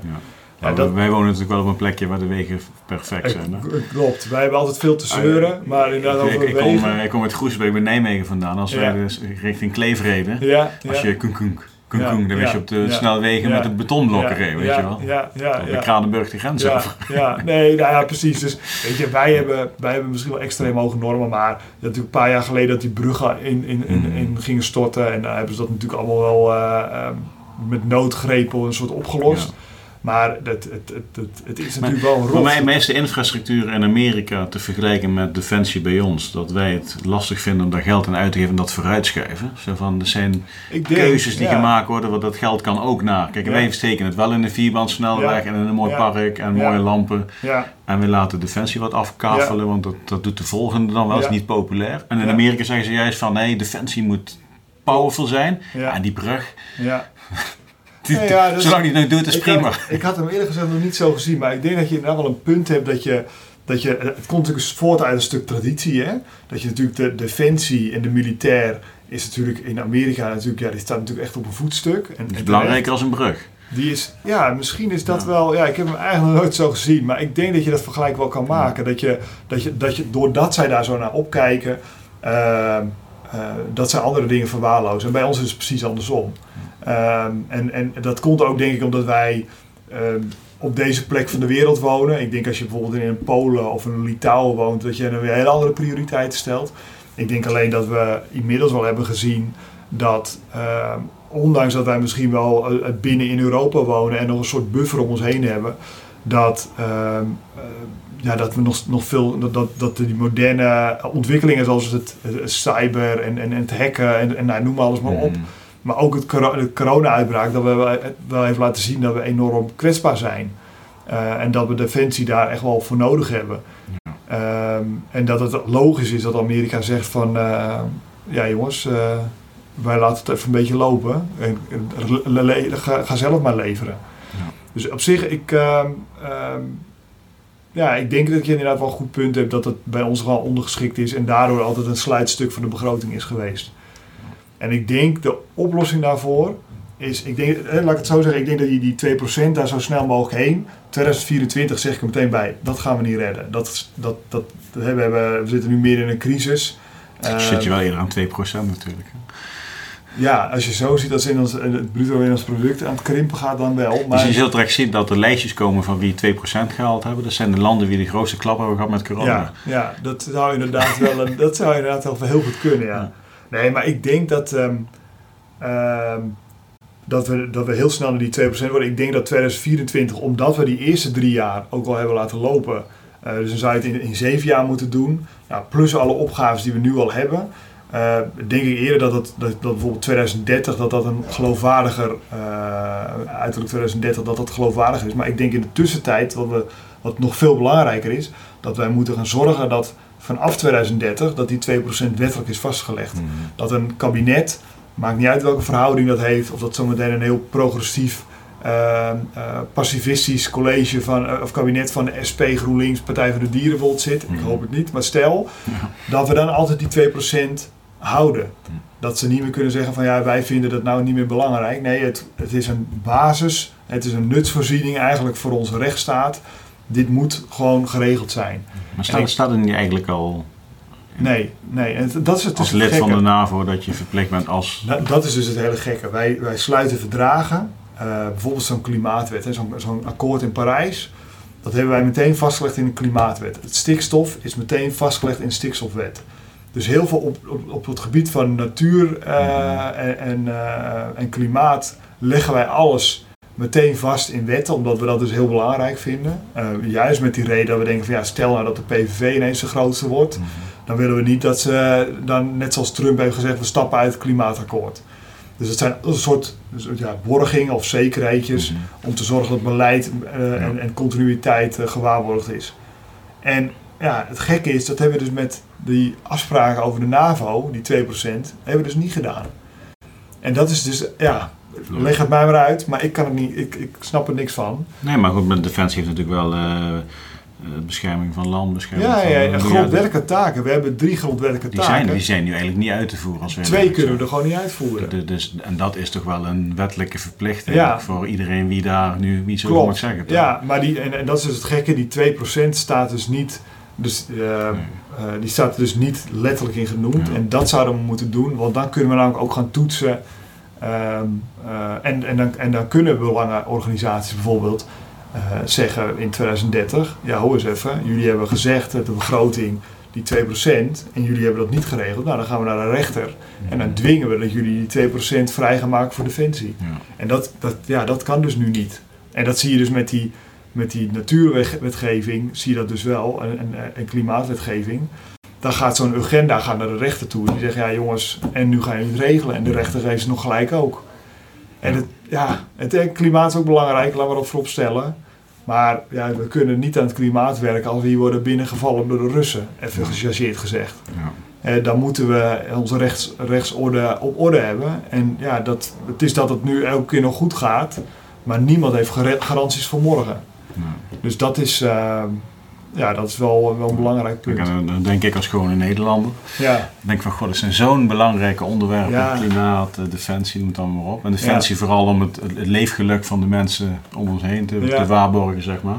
Voor een dreiging die hopelijk nooit gaat komen. Ja. Ehm, en dan hebben we zeg maar een avondklok, een noodwet en dan is het pap, pap, pap en dan is het geregeld. Ja. Snappen mensen toch niet? Ja, ja. Nee, maar Patrick, jij bent geen gewone Nederlander. Dat is het probleem. En dat ben ik ook niet, want wij hebben allebei. Zeker maar kaal ben, of niet? Nee, nee. Ja, ja, nou, maar dat word ik ook. Dus dat, uh, nee, maar um, wij, hebben een, wij, wij hebben een warm hart voor defensie en voor de krijgsmacht. En uh, heel veel Nederlanders hebben dat. Maar ook heel veel Nederlanders zijn heel naïef. Die mm denken dat het inderdaad nog steeds één groot liberaal paradijs is hier. En dat het allemaal vrede en veiligheid uh, tot in de eeuwigheid is. Ja, op defensiegebied bedoel je. Ik heb even, klimaat is toch veel belangrijker dan een avondklok. En als je ziet hoe snel we daarop kunnen schakelen, bedoel ik. En dan denk ik, we zijn al 30 jaar, 30 jaar bezig met het uh, kijken naar een Noordpool die smelt, bij wijze van spreken. Ja, nou, maar dat. Kijk, eh, met die, met die Dat zou toch mooi zijn als we daar lekker, pats, weet je wel, stappen zetten. Ja, kijk, maar, ja, maar zo'n avondklok is natuurlijk wel makkelijker te regelen. Dan kan je gewoon zeggen, jongens, vanaf morgen blijven jullie allemaal na 9 uur thuis. En dan kan je het niet mee eens zijn, maar dat is redelijk makkelijk te organiseren. minder complex. Minder complex. En met zo'n en met klimaatverandering, ja, dan is het toch de discussie hoeveel, uh, hoe groot is de impact van de mens. Hè? Dat is ook nog wel een, een, goede vraag. Maar dan kan je ook niet zeggen van oké, weet je wat, wij zetten hier morgen allemaal windmolens neer en zonneweiden en misschien nog een kerncentrale. En morgen hebben we het allemaal geregeld. Ehm, ten eerste kost dat heel veel geld, het kost heel veel ruimte en iedereen kan naar de rechter om tegen elke windmolen een proces uh, aan te spannen. Ten tweede kan je ook nog zeggen van nou dan gaan we ons eh, bedrijfsleven hier dwingen om te verduurzamen. En dan kan zo'n bedrijf zeggen nou prima, dan ga ik weg, dan ga ik lekker naar Polen. Daar heb ik helemaal geen milieuwetgeving, dus dan kan ik misschien nog wel meer uitstoten dan ik nu in Nederland doe. Dus dan zijn we er per saldo zijn we er verder op achteruit gegaan. En uh, nou ja, dat zijn zomaar twee dingen die zo'n klimaatonderwerp uh, veel ingewikkelder maken. Omdat je, ja, je, zit, je hebt hier met heel de wereld te maken. Um, uh, het heeft grote fysieke impact in je leefomgeving. En, en, som, en er is ook, ja, ik ben het er wel mee eens dat, en ik, ik twijfel niet aan klimaatverandering. Maar er zijn ook nog steeds partijen die er wel aan twijfelen. En dat maakt het natuurlijk ook wel weer meteen ingewikkeld. En dan zijn er ook nog eens een keer partijen die zeggen: ja, als we nu niks doen, zijn we morgen allemaal dood. Ja. En die zijn vaak, ja, en, die, en, daar, en daar is klimaat bijna religie. Ja. Dus daar kan je ook geen compromis Maar ook dat is goed, dat, dat, er zijn uitersten, weet je, er zijn altijd uitersten nodig om ergens uh, iets van te vinden dan uiteindelijk. Ja, maar dit kan wel weer tegenhouden. Zodat je in het midden ergens uitkomt voor een compromis. Dat zou maar het remt wel af vaak, het remt af. Nou ja, kijk, de, de, ideale situatie zou zijn dat je dan ergens in het midden uitkomt en dat je zegt van nou, we hebben hier een compromis waar we het allemaal mee kunnen vinden. Mhm. Maar je hebt de extremisten aan links die zeggen, uh, wij, wij vinden dat het zo belangrijk is, wij komen niet naar het midden. En je hebt de extremisten aan rechts die zeggen, ja, er is geen klimaatverandering, dus waar, hoezo überhaupt? Mm en, en dan maakt het wel moeilijk om tot, tot, tot doelen te komen. En, dat, en je ziet natuurlijk die politiek, we hebben nu, uh, wat was het, nou, ergens rond de 40 of 37 partijen die meedoen. Waarschijnlijk komen er zo meteen 17, we hebben er nu geloof ik 13, er komen er zo meteen 17 partijen in de Tweede Kamer. Dus dat wordt nog veel moeilijker. Stel je eens voor dat met 17 miljoen Nederlanders zo'n probleem op zijn, dan hou maar op, want dat gaat het niet worden. En dat ga je, en dat, ja, dat, dat maakt het wel ingewikkeld. Uh, maar ik ben heel hoopvol. We, we gaan er echt komen. Het worden spannende verkiezingen. Het worden echt zeker spannende verkiezingen. Ja. Volgens mij weet niemand echt precies hoe het, er, eh, hoe het eruit gaat zien. Nee, kijk, we hebben natuurlijk in Amerika gezien wat peilingen soms waard zijn. Mm. Ehm, in Nederland zijn ze de laatste verkiezingen ook ineens heel erg. In 2017 echt in een paar dagen tijd iets veranderd.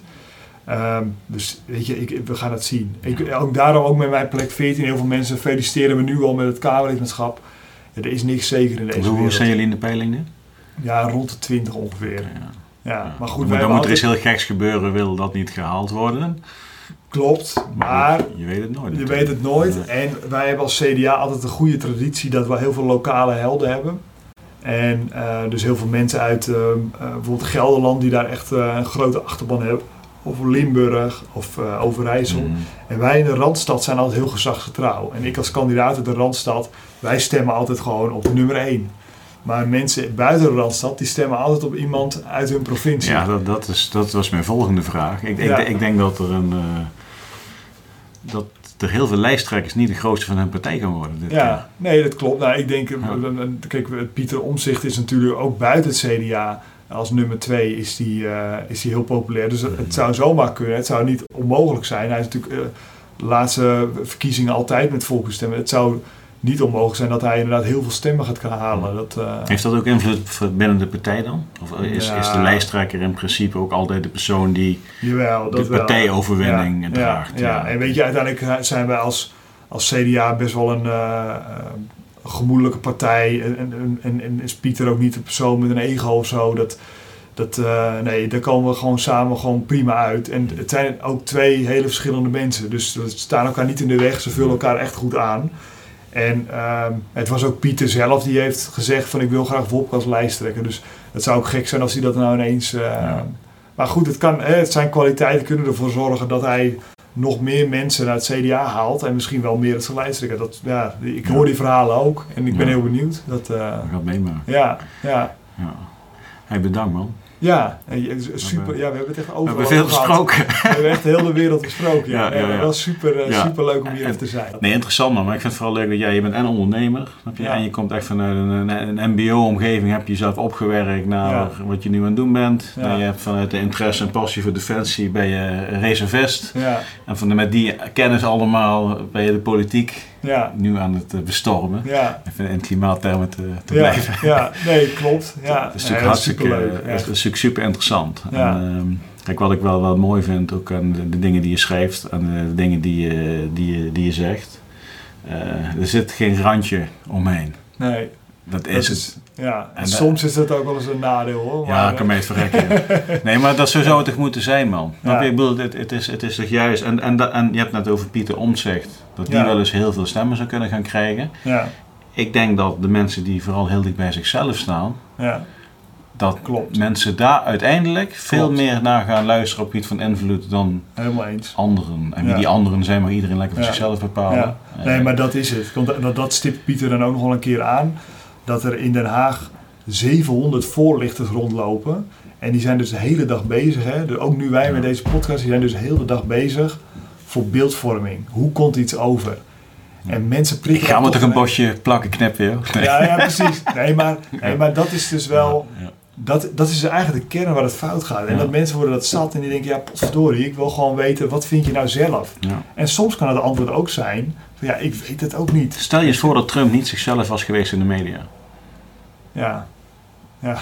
Maar dan hadden, hadden waarschijnlijk veel meer mensen op hem gestemd. En dat ze hadden gedacht van ja, eh, het doet toch prima. Dus die zei ook gewoon alles wat hij dacht. En daardoor wist je wel van, nou, is my guy ja. or not. Ja, klopt. Dan heb je een oprechte keuze. Ja. Nee, ik, ik heb me daar echt over verbaasd. En op een bepaald moment dacht ik ook nog wel dat hij echt ging winnen. Alleen het, hij heeft natuurlijk op het laatste is natuurlijk helemaal uh, gewoon echt verkeerde dingen gedaan. En als je dan kijkt bijvoorbeeld naar een, naar een Biden die overigens moet ik zeggen positief vindt meevallen tot nu toe.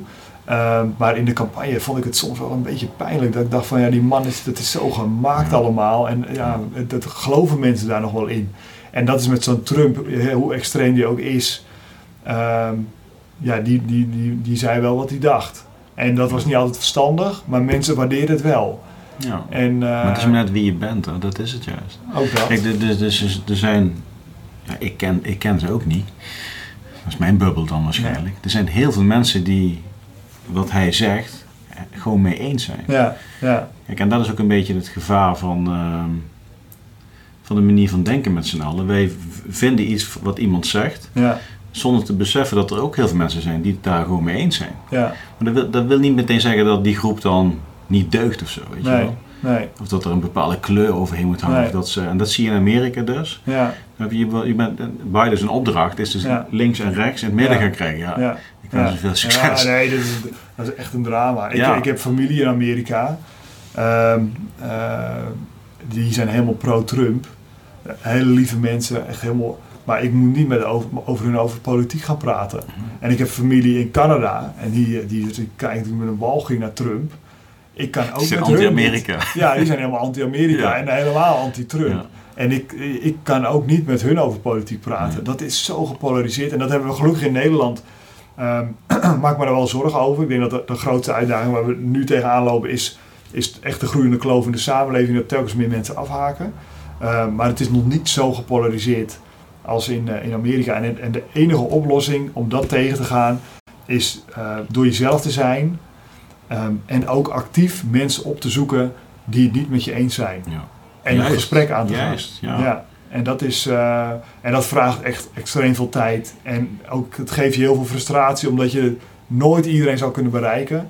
Maar het geeft je nog meer voldoening als je maar één iemand, uh, en dan hoef je het niet met elkaar eens te worden, maar als je, als je elkaar maar begrijpt je, je, kunt toch alleen maar leren als je praat met mensen die anders denken. Precies, exact. En dat, is, uh, en, en, dat zien we eigenlijk nu nog, uh, ja. nog te weinig. Ja. Maar goed, na 17 maart gaat dat veranderen. Goed man. Werk bedankt. Super, jij ook bedankt. En, Top. Uh, hij, gaat, hij gaat voor de verkiezingen online komen. Dus ik denk volgende week al. Ja. ja dus als mensen in 2023 dit gesprek terugluisteren, ja. dan ben jij in die tijd Zit je nog in de Kamer als het goed is, als het kabinet gevallen zijn? dat is altijd de vraag, ja. als CDA in het kabinet komt natuurlijk, dat is natuurlijk ook, altijd weer de vraag. De kans is natuurlijk wel groot dan. Ja, klopt. En uh, waar ligt uiteindelijk jouw passie? Is dat het ondernemen? Uh, is dat uh, misschien toch vanuit die drang naar defensie daar een soort van linking pin gaan worden met het bedrijfsleven? Of zie je uiteindelijk ook een carrière in de, in de politiek voor de langere termijn? Mm, ja, kijk, je weet het natuurlijk nooit hoe het loopt, maar... Um, Kijk, mijn jongensdroom is altijd militair worden. Ik, ik word geen beroepsmilitair worden, dat heb ik uit mijn hoofd gezet. Maar um, ik, ik, de politiek is niet voor eeuwig. Ik, ik denk zelf, hè, het mooiste zou ik vinden als ik bijvoorbeeld twee termijnen, als het mij gegeven is, twee termijnen bijvoorbeeld in de Tweede Kamer. En dan zie ik wel weer een, een, een, een weg terug in het bedrijfsleven waar ik, waar ik ook goed in ben. Ehm, en dan wel weer als, echt als reservist weer aan het werk. Mhm. En dan hoop ik ooit, dat staat al echt wel op mijn lijstje, op, op een uitzending te gaan. Je bent, je bent pas 31. Uh, 32. 31, maar ja, ik weet het. Maar... Nee, we nemen niet, niet, niet Defensie, maar zou, zou jij over 15 jaar minister van Defensie kunnen zijn? Ja, het, het, het, het, het volksvertegenwoordiger is wel heel anders dan een bestuurder. Ik ben wel echt een volksvertegenwoordiger. Zou je erin kunnen groeien? Nou, dat, ik denk dat dat altijd wel kan. Ehm, maar ik weet niet of ik de kwaliteit eraf heb. Ik ben daar denk ik te direct voor. Uh. Maar misschien is dat wel juist heel erg nodig. Ja, nou, dan gaat het zien. Als we tien jaar terug luisteren, valt verdikkie. Ja, toch nog gelukkig. ja, ja, precies. Nou, dan kom ik weer langs. Ja. Ja, ik zou tenslotte nog iets, iets wat we niet besproken hebben, iets wat, uh, wat je zegt van nou dit wil ik nog graag de afsluiting uh, zeggen? Nou, ik, ik kan me bijna niet voorstellen dat we iets niet meer besproken hebben. Nee, ik vind het gewoon heel goed dat jij dit doet. Um, en uh, ik denk dat het ook heel belangrijk is en, en, en, nodig ook vooral mensen van andere partijen eens een keer uit. Um, waar uh, wij het misschien wat minder mee eens zijn. Um, juist om ook het goede voorbeeld te laten, laten zien dat, uh, dat dat dialoog eigenlijk het belangrijkste wapen is. Ja. Dankjewel. Super. En dan komt het gesprek met eh, Dirk Boswijk alweer ten einde. Iets meer dan een uur. En ik denk dat we een aantal hele mooie onderwerpen hebben besproken. Uh, we hebben elkaars mening gegeven. We hebben een inkijkje gegeven in het leven van een politicus. En, en ook defensie is ter sprake gekomen. Nou, ik wil nog even wijzen op het, boek van Dirk. Theodore Roosevelt, de progressieve populist. Waar we ook over gesproken hebben in de podcast zelf. Nou, je kunt kans maken op een van de twee exemplaren. Uh, gesigneerd door Dirk zelf. Nou, wat moet je doen? Nou, ben je een Spotify en Apple Podcast luisteraar? Nou, subscribe je even op het kanaal en uh, laat een berichtje achter onder deze podcast. Dan, dan maak jij kans op een van deze exemplaren. Ben je een YouTube-kijker? Nou, druk dan even op subscribe. Geef even een reactie op deze video en ook dan maak jij kans op een van de twee exemplaren van het boek van, van Dirk Boswijk. Mooi gesprek. Ik wil jou eh, weer bedanken als kijker. Ik wil jou bedanken als luisteraar. En ik wil Dirk uiteraard bedanken voor zijn komst naar eh, de studio in Haarlem. Eh, tot zover. Ik zeg tot de volgende keer. Einde bericht.